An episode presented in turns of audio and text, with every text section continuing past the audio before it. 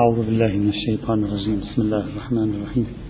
الحمد لله رب العالمين وصلى الله على سيد خلقه محمد وعلى آله الطيبين الطاهرين.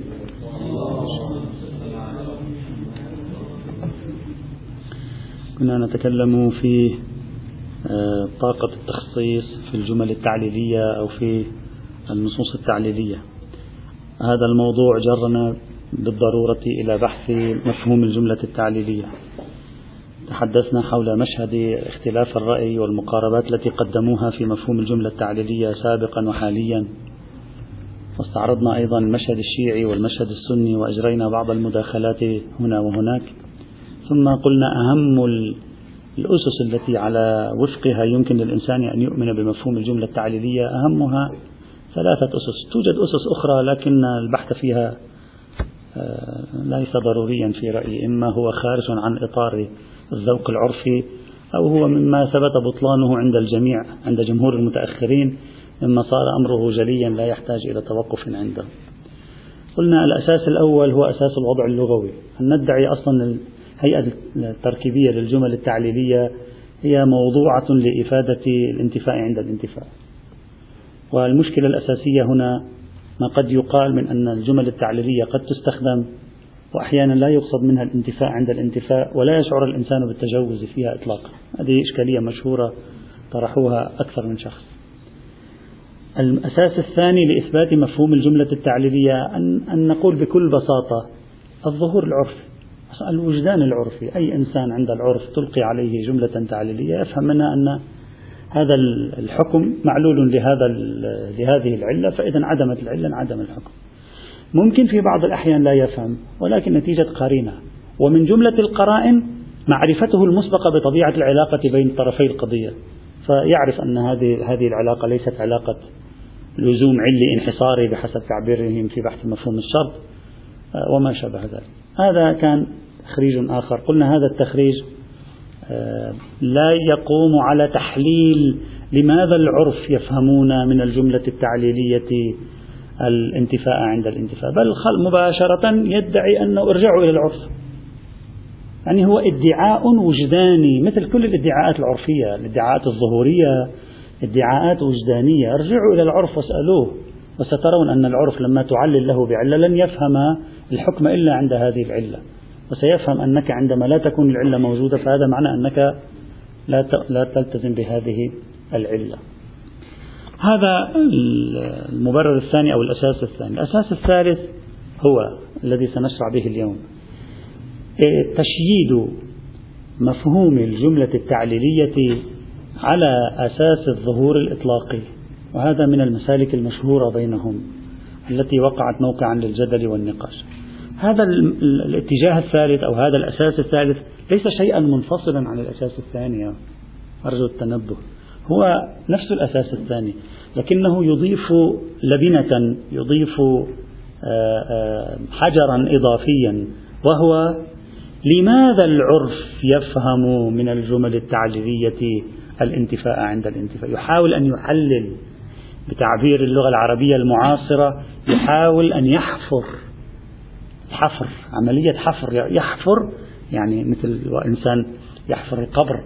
يحفر لكي يكتشف لماذا العرف أصلا؟ ما الذي يجعل العرف يفهم من الجمل التعليلية الانتفاء عند الانتفاء هذا الأساس يقول الجذر في فهم العرف هو الإطلاق.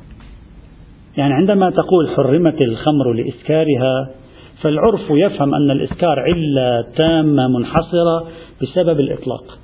كيف؟ هذا الإطلاق يقابله تقييدان. التقييد الأول هو التقييد الواوي في اللغة العربية وفي وخاصة في اللغة العامية الواوي نوع من الحيوانات التي تصيح في الصحراء. فعندنا تقييد واوي وعندنا تقييد أوي. والأوي باللهجة اللبنانية يعني القوي. هذا مثلا.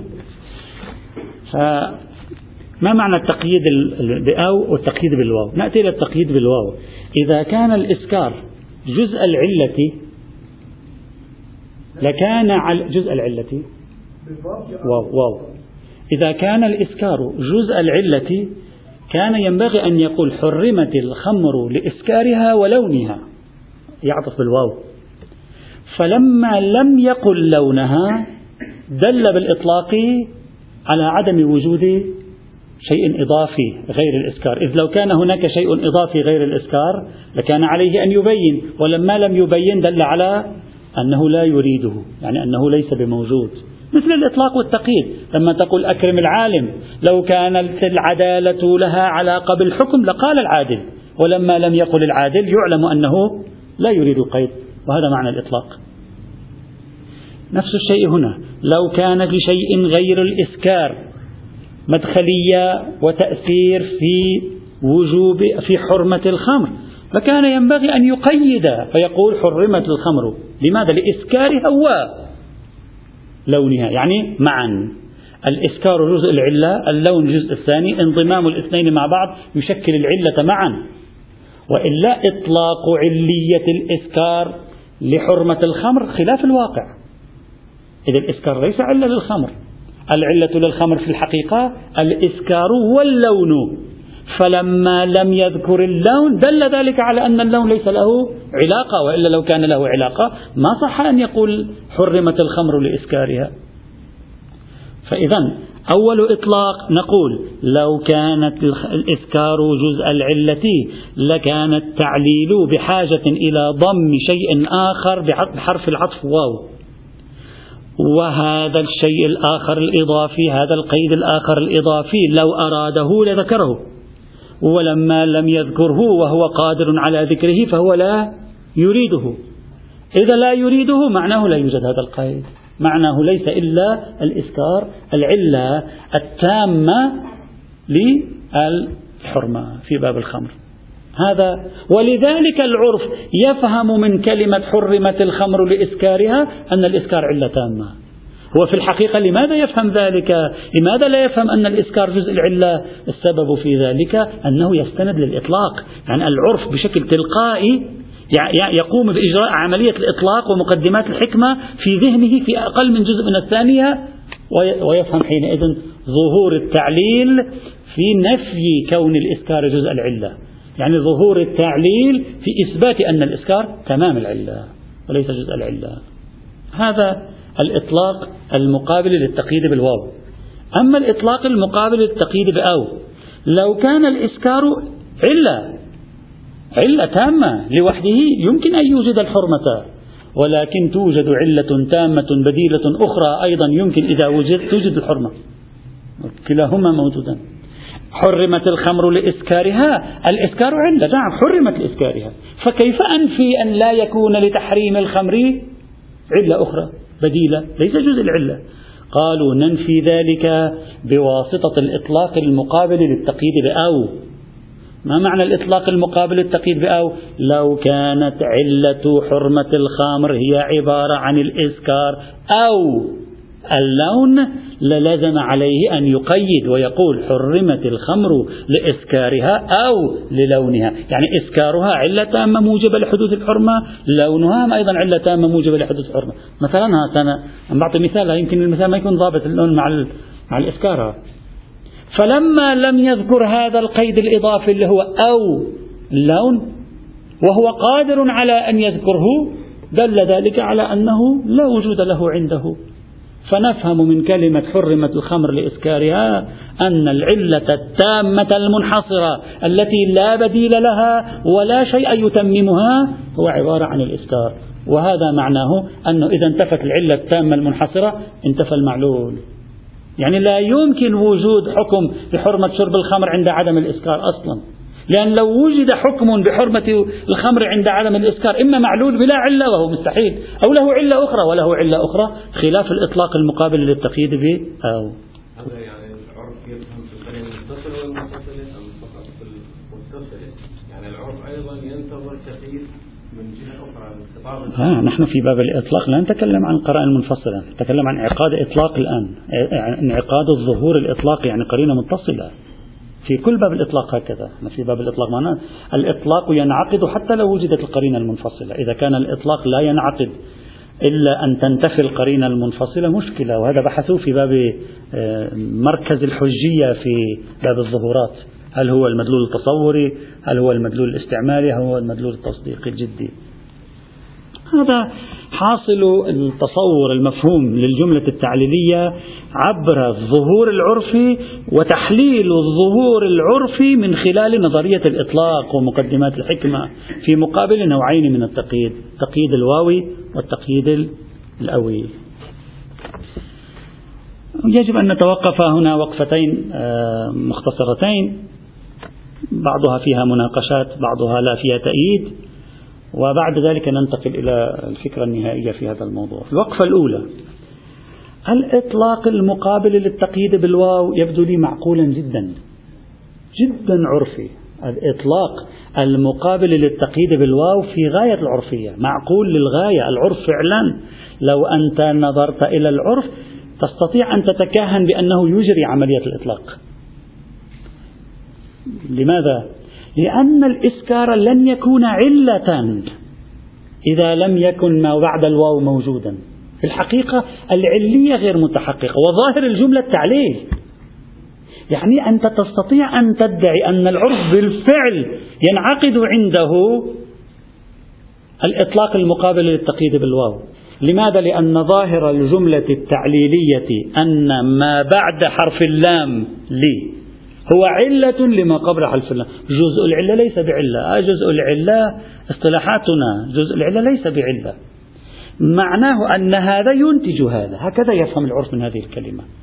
إذا كان هذا لوحده لا ينتج هذا بل يحتاج إلى أشياء أخرى خلاف إطلاق المتكلم أن هذا ناتج عن هذا. يعني يستطيع الإنسان بالوجدان العرفي أن يتقبل تحليلهم الإطلاق المقابل للتقييد بالواو. إنما المشكلة المركزية في الإطلاق المقابل للتقييد بأو. هذا كيف تحفر وتثبته في ذهن العرف؟ لماذا؟ لأن الإطلاق المقابل للتقييد بأو لا يبطل علية الإسكار اللي هو مفاد واضح من الجملة التعليلية. لا يبطله تبقى الإسكار علة. تبقى جملة حرمت الخمر لإسكارها صحيحة. يعني ما في أي مشكلة فيها. كل ما في الأمر أن المتكلم لم يضف فكرة جديدة. لا أنه لم يكمل فكرته.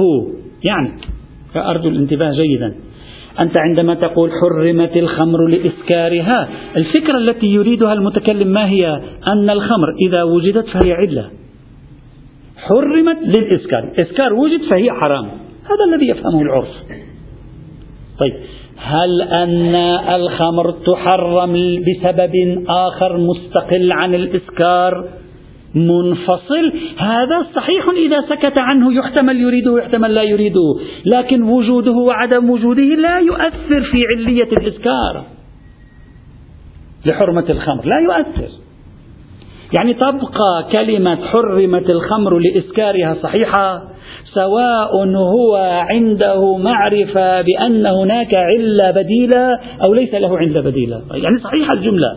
وظهورها العرفي تام. لكن الجملة ليست صحيحة إذا كان هناك تقييد بالواو لأن العرف يقول الإسكار ليس هو علة الحرمة. هناك مجموعة أشياء في الحقيقة هي علة الحرمة وظهور الجملة التعليلية في علية الإسكار وعلية الإسكار لا تكاد تتحقق إلا مع كونها تامة.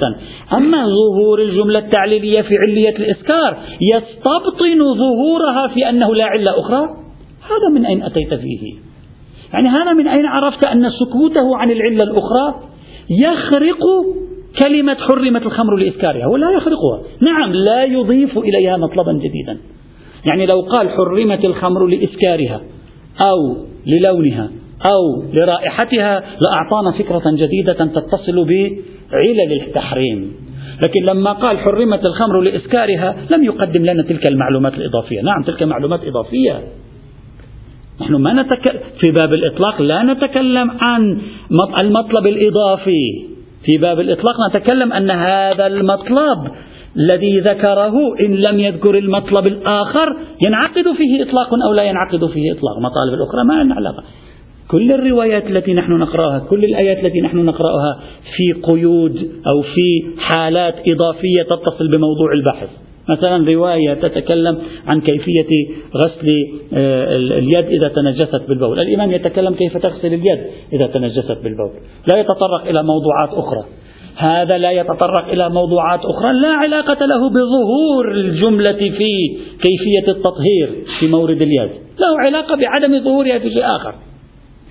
دائما لازم نفرق بين أن يكون الإطلاق موجبا لانعقاد ظهور وبين أن نقول بأن سكوته يمنعنا عن معرفة مطلب إضافي. هنا يمنعنا عن معرفة مطلب إضافي. إذا بعبارة مختصرة أكثر عرفية نشعر بوجداننا أن الإطلاق المقابل للواو عرفي للغاية. لأن يعني العرف ما بيفكر بطريقة فلسفية العرف يفكر بطريقة بسيطة. عندما تقول له حرمت الخمر الإسكارية يعتبر الإسكار هو الذي أسس التحريم. فلو كان الإسكار ليس هو الذي أسس التحريم هو وغيره أسس التحريم. العرف لا يقول الإسكار هو الذي أسس التحريم. أما إذا كان هناك عدة علل العرف يرى إمكان نسبة الحرمة إلى واحد من عللها ولا يرى في ذلك خطأ ولا يرى في السكوت عن سائر العلل ما يوجب تقييدا أو إطلاقا. البتة. فإذا لذلك إذا تلاحظون لو تراجعون إشكالات الذين أشكلوا على الميرزا النائيني اللي تبنى الإطلاق الواوي والأوي معا عندما أشكلوا عليك إشكالاتهم في الحقيقة تركزت أين؟ لو أنتم تفككون إشكالاتهم ستجدونها تركزت في الإطلاق المقابل للتقييد بأو وليس في الإطلاق المقابل للتقييد بالواو. لما بل.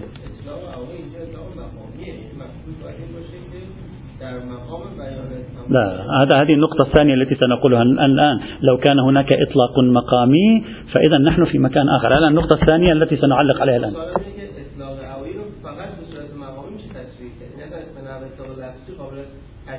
لكن لي هذا رأيكم. ليس رأيهم. وهو هذا.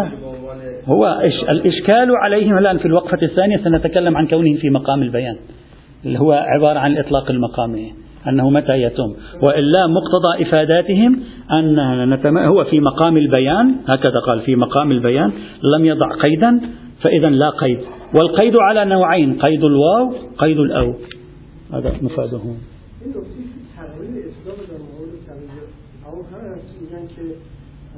ظاهر این جملة اینه که اسکار مطلقا مؤثره در حرمت خمر چه بعدش علت دیگری بیاید چه نیاید؟ چون میگن اگر بیاید مثلا این یا اون مؤثره این مؤثر نیست. لا هذا هذا هذا دليل ثاني تذكرونه. هذا الدليل الذي يقول المحنا إليه عندما تكلمنا عن صاحب بدايه المسترشدين المح إلى بداياته. هذا معناه أن العلة في ظرف الاجتماع ليست الاسكار وهناك أشكلوا عليه إذا تذكرون أشكلوا عليه قالوا له ممكن تكون العلة هذا في, في الواحد الشخصي لا في مثل ما نحن فيه. آه هذا لذلك مثل هذه البحوث لم ندخل فيها لأنها خارجة عن ذات آه، نعم. هناك استندوا لا إلى فكرة الإطلاق بالأو الإطلاق الأول والواوي استندوا إلى فكرة أنه لو كان الإسكار ليس بعلة وحيدة منحصرة فهذا معناه لو وجدت العلة الثانية معها لزم أن يبقى هو العلة وتلك ليست علة وهذا خلف عليتها فلا بد من فرض الاثنين علة. وهذا خلف إطلاق عليته المستقلة. هذا بحثه كان في موضوع الواحد الشخصي والواحد النوعي عندنا.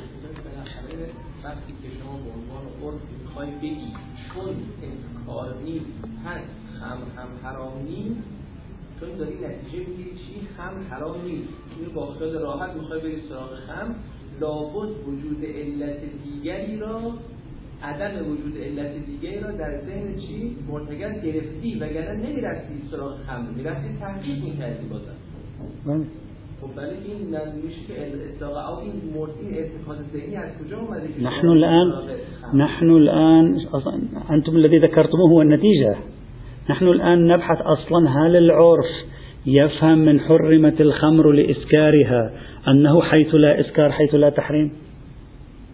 وهذا محل بحثنا هذا الذي نريد. هل العرف يجري في أقل من جزء من الثانية بشكل عفوي يجري مقدمات الحكمة في الإطلاق المقابل للتقييد بأو أو لا؟ إذا يجري تطلع النتيجة التي أنت ذكرتها الآن. هذه النتيجة هذه ليست الدلع نحن نتنازع عليها.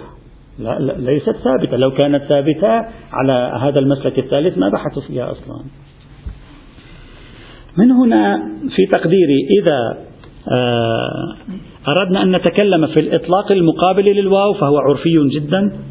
أما إذا أردنا أن نتكلم في الإطلاق المقابل لأو فإنه يحتاج إلى مؤونة زائدة يجب التحقيق فيها. هذه الوقفة الأولى. الوقفة الثانية. المشكلة المركزية في هذا البحث أي في باب الإطلاق المقابل الآن اترك الواو والأو مع بعض. في باب الإطلاق المقابل لأو وفي باب الإطلاق المقابل. المشكلة المركزية أن المتكلم في مقام بيان ماذا؟ هو نحن لازم نعرف أن المتكلم عندما يقول حرمت الخمر لإسكارها هو أصلا في مقام بيان ماذا؟ هل هو في مقام بيان جميع الأشياء ذات الصلة بالتحريم؟ أو لا؟ يعني هو ما أنت حتى تكلمني في الإطلاق. يجب أن تحقق مقدمات الإطلاق. أهم مقدمة من مقدمات الإطلاق أن أعرف المتكلم في مقام بيان أي جهة. ما الذي يريد أن يتكلم عنه؟ حتى إذا تكلم بشيء أقول هذا الموضوع هذه الدائرة التي كان يتكلم عنها أجري فيها الإطلاق. المتكلم في مقام البيان في مقابل مقام الإهمال والإجمال. هذا عقلائيا ثابت. أما هل هو في مقام البيان من جميع الجهات أو من أربع جهات أو من خمس جهات أو من جهة واحدة وأي جهة هي هذا ليس ثابتا بنحو القاعدة الكلية عقلائيا. هذا يحتاج أنت أن تلتمس من المقام من السياق من الظهور الحالي من الظهور المقامي والمقالي. عليك أن تلتمس. هو الناظر لأي شيء يريد أن يتكلم عنه. ما هو الشيء الذي يريد أن يضيء عليه؟ سأعطي مثالا لتقريب الفكرة أكثر. مرة المتكلم مثلا يكون في مقام بيان دور الإسكار في الشريعة. ليس في مقام بيان حرمة الخمر. في مقام بيان أن الإسكار ما هي تأثيراته في الشريعة. فيقول لك حرمت الخمر لإسكارها وبطل الطلاق في حال السكر. سكر مثلا. حرمت الخمر آه، لأنها تعطي السكر والطلاق باطل في حال سكر الإنسان و و وكذا.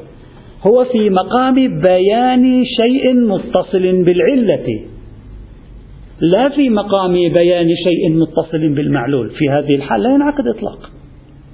في هذه الحال الحق يقال حتى الإطلاق الواوي هم معلوم ينعقد لأنه ليس بصدد بيان الخمر متى تحرم ومتى لا تحرم ما سبب حرمتها وما ليس بسبب حرمتها. هو في مقام بيان السكر. ما هو دوره هنا؟ ما هو دوره هناك؟ ما هو دوره في مكان ثالث؟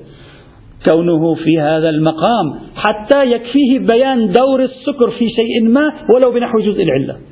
لا ينعقد أنه في مقام البيان في مقابل التقييد بأو أو التقييد بالواو.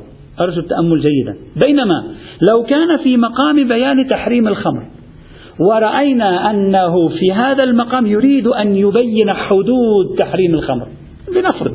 نقول لما قال حرمت الخمر لإسكارها وسكت مقتضى كونه في مقام بيان تحريم الخمر مقتضى كونه في إطار الحوار والسؤال والجواب بينه وبين السائل أنه يريد أن يحدد إطار الحرمة حرمت الخمر لإسكارها. في, في أغلب الموارد إذا هذا السياق منعقد إن لم يكن جميع الموارد يفهم منه الإطلاق المقابل للتقييد بالواو ويفهم منه الإطلاق المقابل للتقييد بأو بالبداهة. إذا نقطة الارتكاز في موضوع ادعاء الإطلاق أن ننظر في الجهة التي يتكلم فيها المتكلم. هو ماذا يريد أن يتكلم عنه؟ ما الذي يريد أن يتكلم عنه؟ إلى أي شيء هو ناظر؟ فإن كان ناظرا لتحديد إطار حرمة الخمر نقول هذا ظاهره الإطلاق الواوي والأول. وإن كان ناظرا لمؤثرية السكر في بعض الأحكام الشرعية مثلا فهذا ليس فيه لا إطلاق واوي ولا إطلاق أول. حتى الواو من الصعب أن تستظهره حينئذ. إذا هذه النقطة في غاية الأهمية آه، بالنسبة إلينا آه، عرفا. وبالتالي لا نستطيع حينئذ أن نقول إن المتكلم قصد إطلاقا على نحو القاعدة ولم يقصد إطلاقا على نحو القاعدة. لكن نوجه لأنفسنا سؤالا حيث لا قرينة خاصة في المقام. ظهور حال المتكلم الظهور الأولي لحال المتكلم ما هو؟ عندما يعلل. الظهور الأولي لحال المتكلم عندما يعلل. أنه في مقام بيان ماذا؟ هل هو في مقام بيان أحوال العلة؟ هل هو في مقام بيان بعض أحوال المعلول؟ هل هو في مقام تحديد المعلول وجودا وعدما؟ عندما يعلل الإنسان ماذا يفهم منه العرف؟ سأعطي أمثلة عرفية بسيطة هي المشكلة في, في, في تناول الموضوع عرفيا. سأعطي أمثلة ستجدون من هذه الأمثلة وأنتم فكروا في أمثلة أخرى حيث لا قرينة الظهور الأول الحالي للمتكلم في مقام التعليل أنه بصدد بيان دوران المعلول مدار هذه العلة. سأعطي أمثلة بسيطة عرفية ليست لها علاقة بالأحكام الشرعية. مثلا مثال, مثال بسيط. شخص توعدتم معه على لقاء. ثم تأخر عن الحضور في موعد اللقاء. ثم سألتموه لماذا تأخرت؟ فقال لكم كان الطريق مزدحما بالسيارات. فعلا كان الطريق مزدحم بالسيارات. لكن عرفتم بعد ذلك أنه بالأصل خرج متأخرا من البيت لأنه كان يهتم بهندامه. فماذا تقولون؟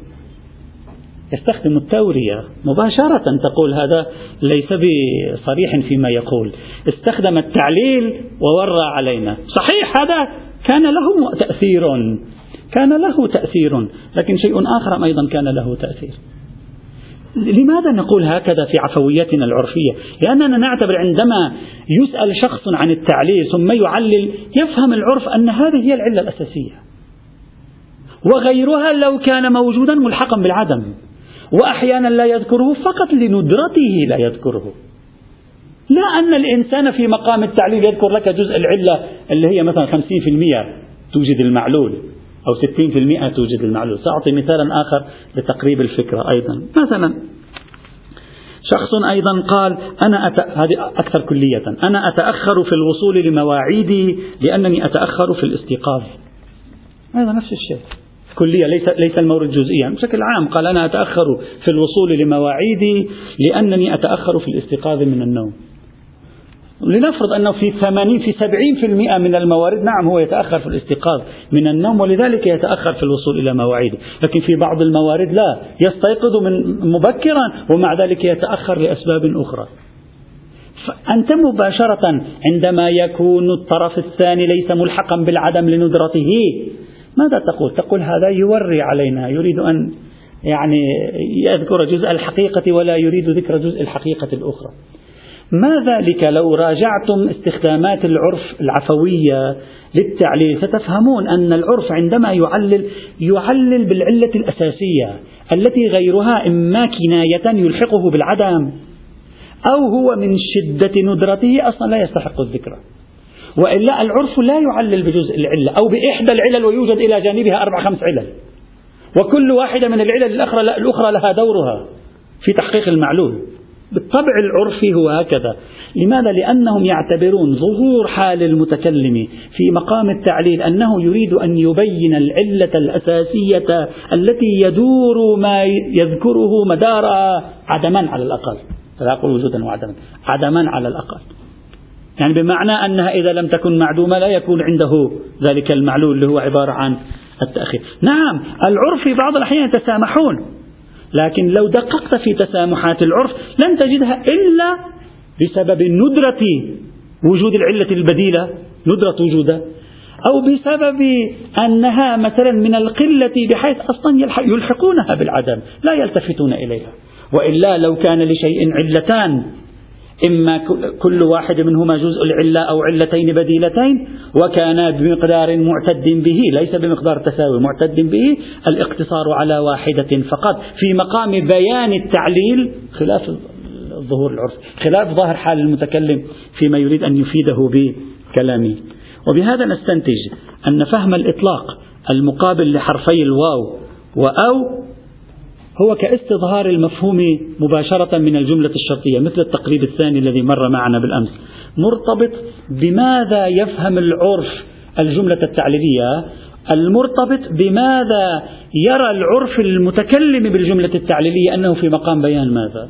ونحن ما زلنا ندعي إلى الآن أن العرف في مقام الجمل التعليلية يفهم إدارة المعلول مدار العلة وجودا وعدمان لا أقل عدمان. هو هذا مركز بحثنا هنا. إذا هذه ثلاث تقريبات تقريب الوضع تقريب الظهور العفوي وتقريب الاستناد إلى إطلاق لكن أرجو أن نضع عنوان هنا حتى نميز هذه النقطة بالغة الأهمية. هل كل الجمل التعليلية ذات بيان واحد أو لا؟ أريد أن أدعي أن كل ما قلناه إلى الآن يجري فقط في بعض الجمل التعليلية وليس في كل الجمل التعليلية وبعبارة أخرى. أريد أن أقول اترك فكرة المفهوم. أنت كشخص تبحث في الاجتهاد العللي أو في الاجتهاد المقاصدي أصلا لست بحاجة إلى نظرية المفهوم هنا. اتركها جانبا الآن وتعال معي إلى آه، فرضية أخرى سأسميها الحل الوسطي. سأسميها الوصول إلى تخصيص الحكم بمورد العلة ولو من غير طريق المفهوم. وذلك من خلال جملة عناصر. سأذكر الآن هذا الحل الوسطي ومن خلال مجموعة من العناصر. الطرف الذي ينكر المفهوم تماما وبالتالي العلة لا تأثير لها عدما. والطرف الذي يثبت المفهوم فيثبت المفهوم بتمام امتداداته. الآن سأذكر حلا فكروا فيه. لم يطرحوه هم لم يطرحوه ولعله مراد. الشيخ محمد تقي الرازي الإصفهاني صاحب هداية المسترشدين. ولعله مراده الذي ذكرنا كلامه ومداخلاته الأربعة سابقا. النقطة الأولى سأذكرها على شكل نقطتين ثلاثة لتتضح الفكرة. الجمل التعليلية. ندعي أن الجمل التعليلية لها نظر إلى الإطلاقات والعمومات. هذا أول ادعاء مقدمة الأولى. كل جملة تعليلية فلها نظر إلى المطلقات والعمومات. ما معنى هذا الكلام؟ يعني حرمت الخمر لإسكارها. جملة تعليلية ناظرة إلى كل المطلقات التي تحرم الخمر. تخبر عنها أنها وقعت حرمت الخمر. أي تلك التحريمات تلك الخطابات التحريمية الخطابات لا الأحكام تلك الخطابات التحريمية المطلقة والعامة التي سبق أن سمعتموها من المولى يقول فيها الخمر حرام. أنا الآن أخبركم أنا الجملة التعليلية أنا ناظرة إلى تلك الخطابات العامة والمطلقة وأقول لكم ذاك التحريم بملاك الإسكار. يعني ربط عدة أشياء بشيء. ما هي الأشياء العدة؟ هي الإطلاقات والعمومات فقط. نحن نريد نثبت المفهوم الآن. الآن عندي طرفين. الطرف الأول مطلقات وعمومات تحريم شيء ما. الطرف الثاني الجملة التعليلية. ادعائي الآن. أن الجمل التعليلية حرمت الخمر لإسكارها هي جمل حاكمة لها حكومة. بملاك النظر ناظرة إلى جميع المطلقات والعمومات المتصلة بتحريم الخمر وتريد أن تقول تلك التحريم الخطابات العامة والمطلقة التي أفادتكم تحريم الخمر هي بملاك الإسكار. وبالتالي لا ينعقد بعد ذلك وثوق بوجود مطلقات وعمومات تحرم الخمر ولو في غير حال الإسكار. العمومات والمطلقات فقط. لا دليل خاص يحرم الخمر في غير الإسكار فقط العمومات والمطلقات الأولية مثلا يحرم شرب الخمر. إن الله حرم عليكم شرب الخمر. لا تشربوا الخمر إياكم وشرب الخمر. هذا الخطابات المتعددة في الخمر. يأتي حرمت الخمر لإسكارها. ينظر إليها يقول حرمت الخمر. وين حرمت الخمر؟ بتلك الخطابات التي سمعتموها أنتم من قبل لأن حرمتها. بتلك الخطابات التي سمعتموها أنتم من قبل لإسكارها أي كل تلك الخطابات العامة صارت رهينة بحث الإسكار. كلها تحولت إلى شخص الحكم. كلها دخلت في شخص الحكم. يعني كأنه قال لا تشرب الخمر لأنها مسكر. وقلنا سقوط شخص الحكم بسقوط العلة متفق عليه بينهم. هذا لا نناقش فيه. نعم الآن بعد أحسنت. لذلك بعد قليل قلت أن ألسنة التعليل مختلفة. في بيانات متعددة التعليل وتقريب هذا يجري فقط في بعض ألسنة التعليل لا في تمام الألسنة. ومن هنا سأذكر إشكالا أقول الأصوليون لما تناولوا الموضوع لم يميزوا بين الألسنة. بعضهم أخذ لسان ومشى معه والثاني أخذ لسان آخر ومشى معه. حرمت مثل مثل كل بحث الحكومة كيف تثبته؟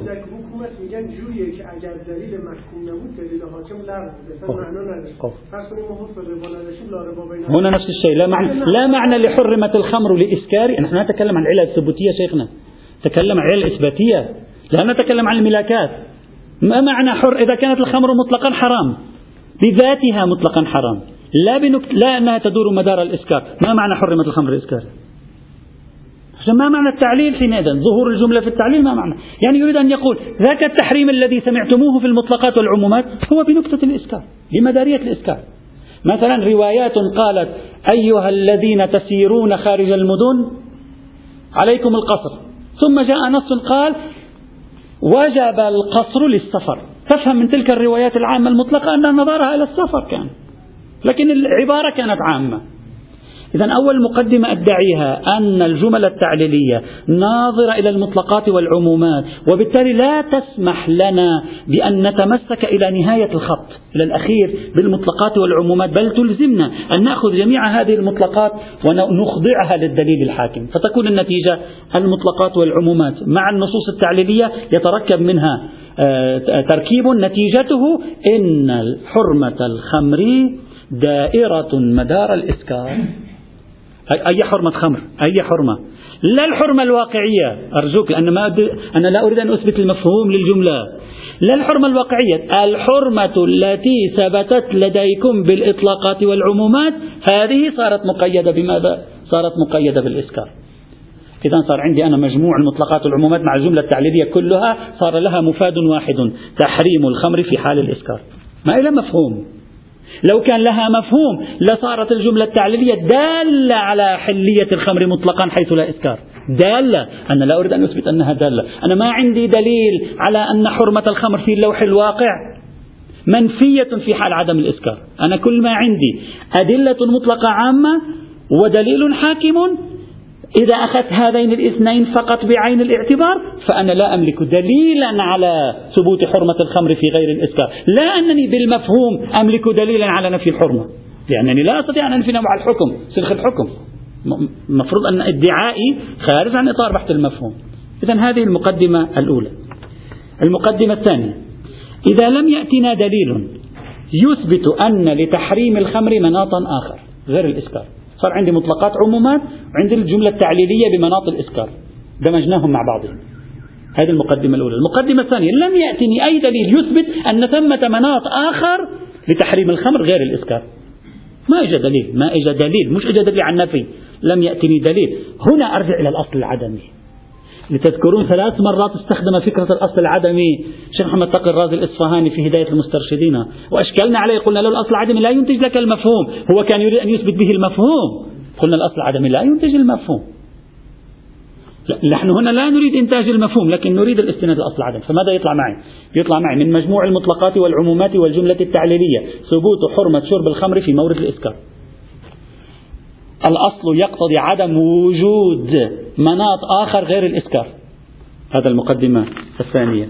من ضمن الأصل العدمي إلى مفاد حكومة خطاب التعليل للمطلقات والعمومات ينتج عندي من مجموع النصوص حرمة الخمر ثابتة في مورد الإسكار حرمة الخمر ليست لم تثبت في غير مورد الإسكار مش ثبت عدمها في غير مورد الإسكار هذه النتيجة بعد ضم الاثنين إلى بعضهما بعضا. ثلاثة.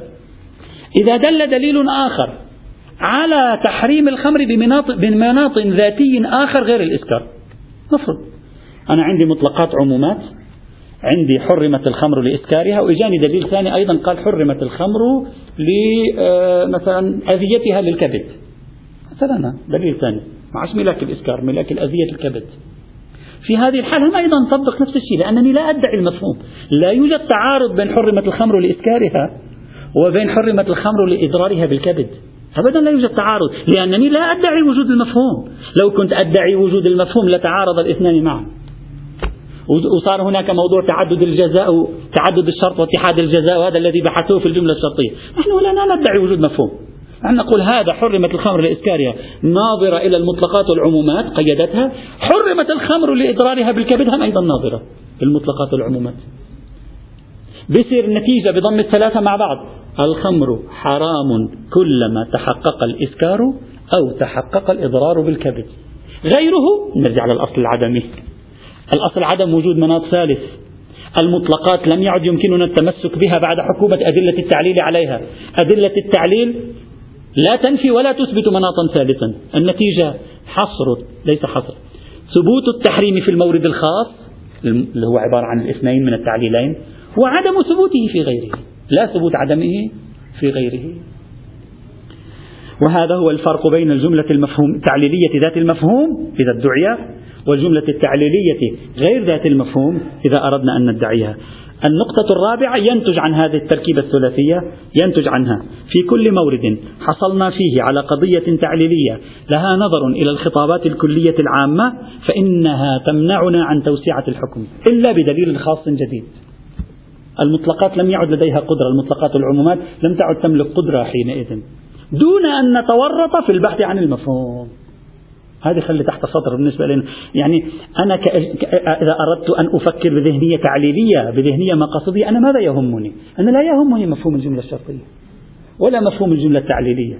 أنا يهمني أن ضم النصوص إلى بعضها يوجب حصر الحكم العام بمورد العلة. حصره بأي معنى؟ بمعنى أنه ثابت في مورد العلة في غير مورد العلة لا دليل على ثبوته. وبالتالي أنا جعلته قهرا تابعا للعلة. إذ مع عدمها لا دليل على ثبوتي. خلاص كافي. يعني يكفيني لا دليل على ثبوتي. وبالتالي أكون قد قيدت الأدلة أي الخطابات قيدتها بالعلل. وهذا هو من يريد أن, أن يمارس الاجتهاد التعليلي. يريد أن يجعل الخطابات المطلقة تابعة للخطابات التعليلية. لا الخطابات التعليلية تابعة للخطابات المطلقة. وهذا الفرق بين المجتهد بالاجتهاد التعليلي وبين المجتهد منكر الاجتهاد التعليلي. المجتهد بالاجتهاد التعليلي دائما يهم يجعل الإطلاقات في خطابات بيان الأحكام تابعة للخطابات التعليلية. المجتهد غير التعليلي يقول الخطابات التعليلية لا فيها تأثير. المهم المطلقات. نحن بهذه الطريقة دون التورط في إشكالية المفهوم مع أنني أعتقد بنسبة كبيرة بأن العرف قريب جدا من أن يفهم المفهوم من الجمل التعليلية آه، إن لم تكن هناك قرينة خاصة. مع ذلك أعتقد بأن نتيجة التعليل التي يريدها المقاصدي يمكن أن تتحقق بلا حاجة إلى التورط في بحث المفهوم عبر هذه العناصر الأربعة. واحد حكومة الأدلة التعليلية على المطلقات والعمومات. اثنين استخدام الأصل العدمي لنفي مناط آخر. ثلاثة انضمام العلة الأولى إلى العلة الثانية على تقديرها في الحكومة على المطلقات والعمومات. أربعة النتيجة بحاصل ضم الأطراف إلى بعضها عدم ثبوت الحكم إلا في مورد العلة. أما في غيرها الأصل العدم. لا مفهوم ولا إطلاق. أصل العدم أصالة العدم. أصل عدم الأصول العدمية لا ليس أمارة الأصول العدمية ليست أمارات. لا ليس ظهور كلام الأصل عدم وجود مناط الآن ثبت لي أن هذه المطلقات مناطها هو هذا. أسأل نفسي سؤالا. هل هل لها مناط آخر؟ محتمل الأصل العدم. الظهور بعد ما في ظهور هنا. من المفروض الظهور هدمته بالنظر والحكومة أنا هدمته. لو كان في ظهور هنا لا يحق لي أن أستخدم الأصل العدم ولذلك أشكلنا إذا تذكرون على على صاحب هداية المسترشدين. قلنا له كلامك لا ينتج مفهوما. لأنه هو ما قام بعملية النظر والحكومة. إلا أن هذا الكلام برمته الذي الآن هذه المحاولة التي قمت بها خاصة فقط وفقط في بعض ألسنة التعليل. لأنه ليس كل ألسنة التعليل بالشكل الذي قلناه الآن. بعض ألسنة أشير إشارة ويوم السبت نشرحها. بعض ألسنة التعليل ناظرة حرمت الخمر لإسكارها. وبعض ألسنة التعليل ليس لها نظر إلى شيء آخر.